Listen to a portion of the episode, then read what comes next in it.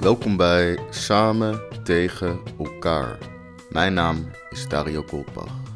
Dit zijn wekelijkse inzichten vanaf een plek waar de hemel op ons neerstort. Planeet Aarde. Met in het stuk van deze week Kessler.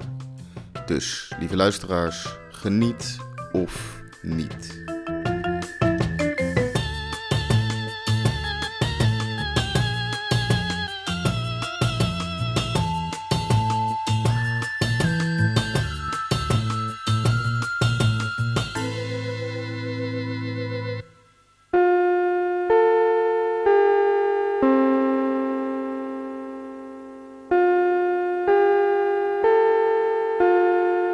Het hoofdprogramma gaat reeds van start.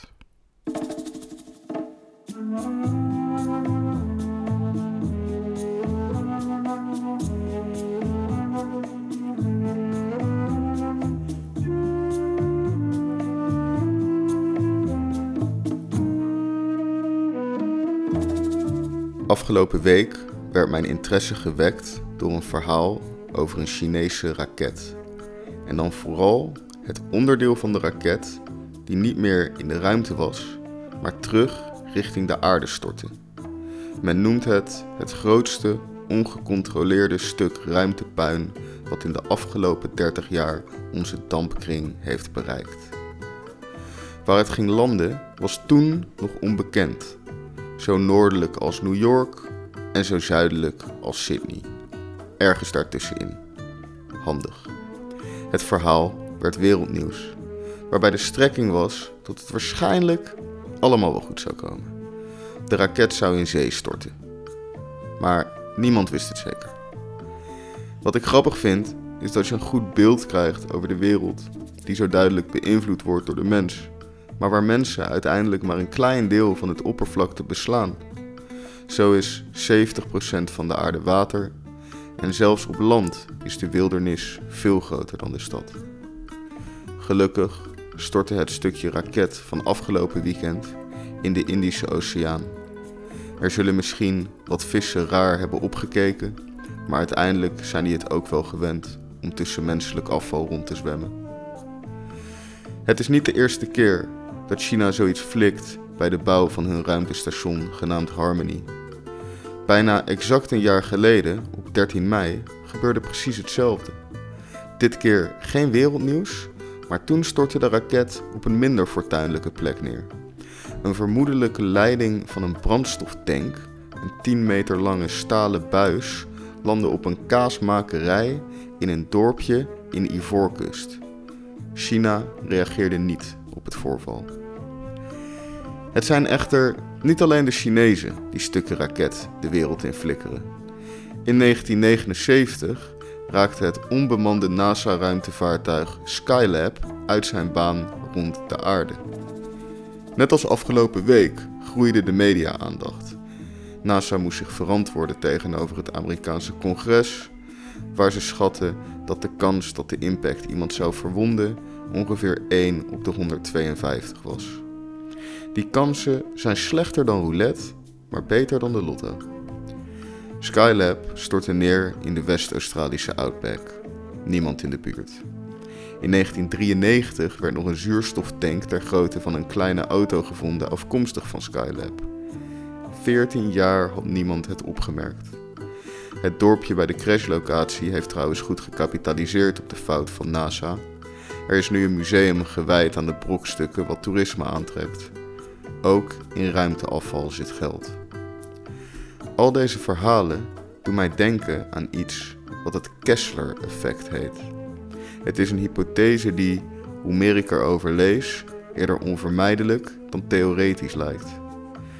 Behalve de tienduizenden satellieten die rond de aarde zweven en die onze wereld met zichzelf verbindt en bespioneert, zijn er ongeveer 2600 satellieten buiten gebruik 10.000 objecten groter dan een computerscherm, 20.000 ter grootte van een appel, een half miljoen zo groot als een knikker en naar schatting nog 100 miljoen onderdelen zo klein dat we ze niet kunnen detecteren. Dit zijn allemaal objecten die ooit door de mens in een baan rond de aarde zijn geschoten en daar nog steeds meerdere rondjes om de aardbol vliegen elke dag.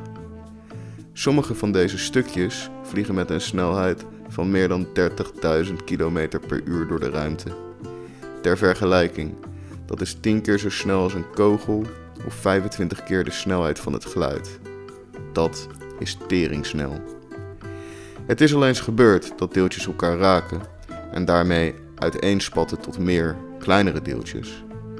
Maar zelfs een verloren stukje ex-satelliet ter grootte van een muntstuk richt gigantische schade aan aan alles wat in zijn pad komt. Nog gevaarlijker is als bijvoorbeeld twee satellieten elkaar raken en de wolk puin alle kanten opschiet in allerlei nieuwe banen rond de aarde. Dit zou een kettingreactie kunnen veroorzaken waarbij meer en meer en meer kleine stukjes ontstaan die meer en meer en meer grotere en potentieel belangrijke satellieten beginnen te raken. Satellieten die dan deel uit gaan maken van het probleem. Als deze kettingreactie eenmaal op gang komt, zal het probleem exponentieel groeien. Je weet wel, als corona. En als er iets is wat we de afgelopen anderhalf jaar geleerd hebben, is het wel dat dat heel hard kan gaan. Het Kessler-effect is wanneer deze groei zo hard gaat dat onze aardbol eigenlijk wordt bedekt met een vliegende laag ruimteafval. Ja, ik weet dat dit klinkt als een slechte sci-fi, maar het is dus zeer mogelijk. Wanneer dit in gang is gezet, is het eigenlijk niet meer te stoppen en sluiten we de Final Frontier voor altijd voor onszelf af. Of totdat we iets hebben uitgevonden wat weer ruimteafval op kan ruimen en geloof het of niet, de mensheid is er al mee bezig. Concepten met netten en robotarmen en magneten, maar ja, de ruimte is nog een stapje moeilijker en vooral duurder dan bijvoorbeeld de oceaan. En die krijgen we ook met geen mogelijkheid schoon. Vooralsnog gebruiken we de oceaan nog om ons ruimteafval ongecontroleerd in te laten storten, dus ja. Er moet iets met deze planeet, want de kans dat we er vast komen te zitten is aanwezig. Zelfs een Elon Musk die ons naar Mars probeert te krijgen, gaat momenteel nog vooral to the moon met crypto. Go Dodge.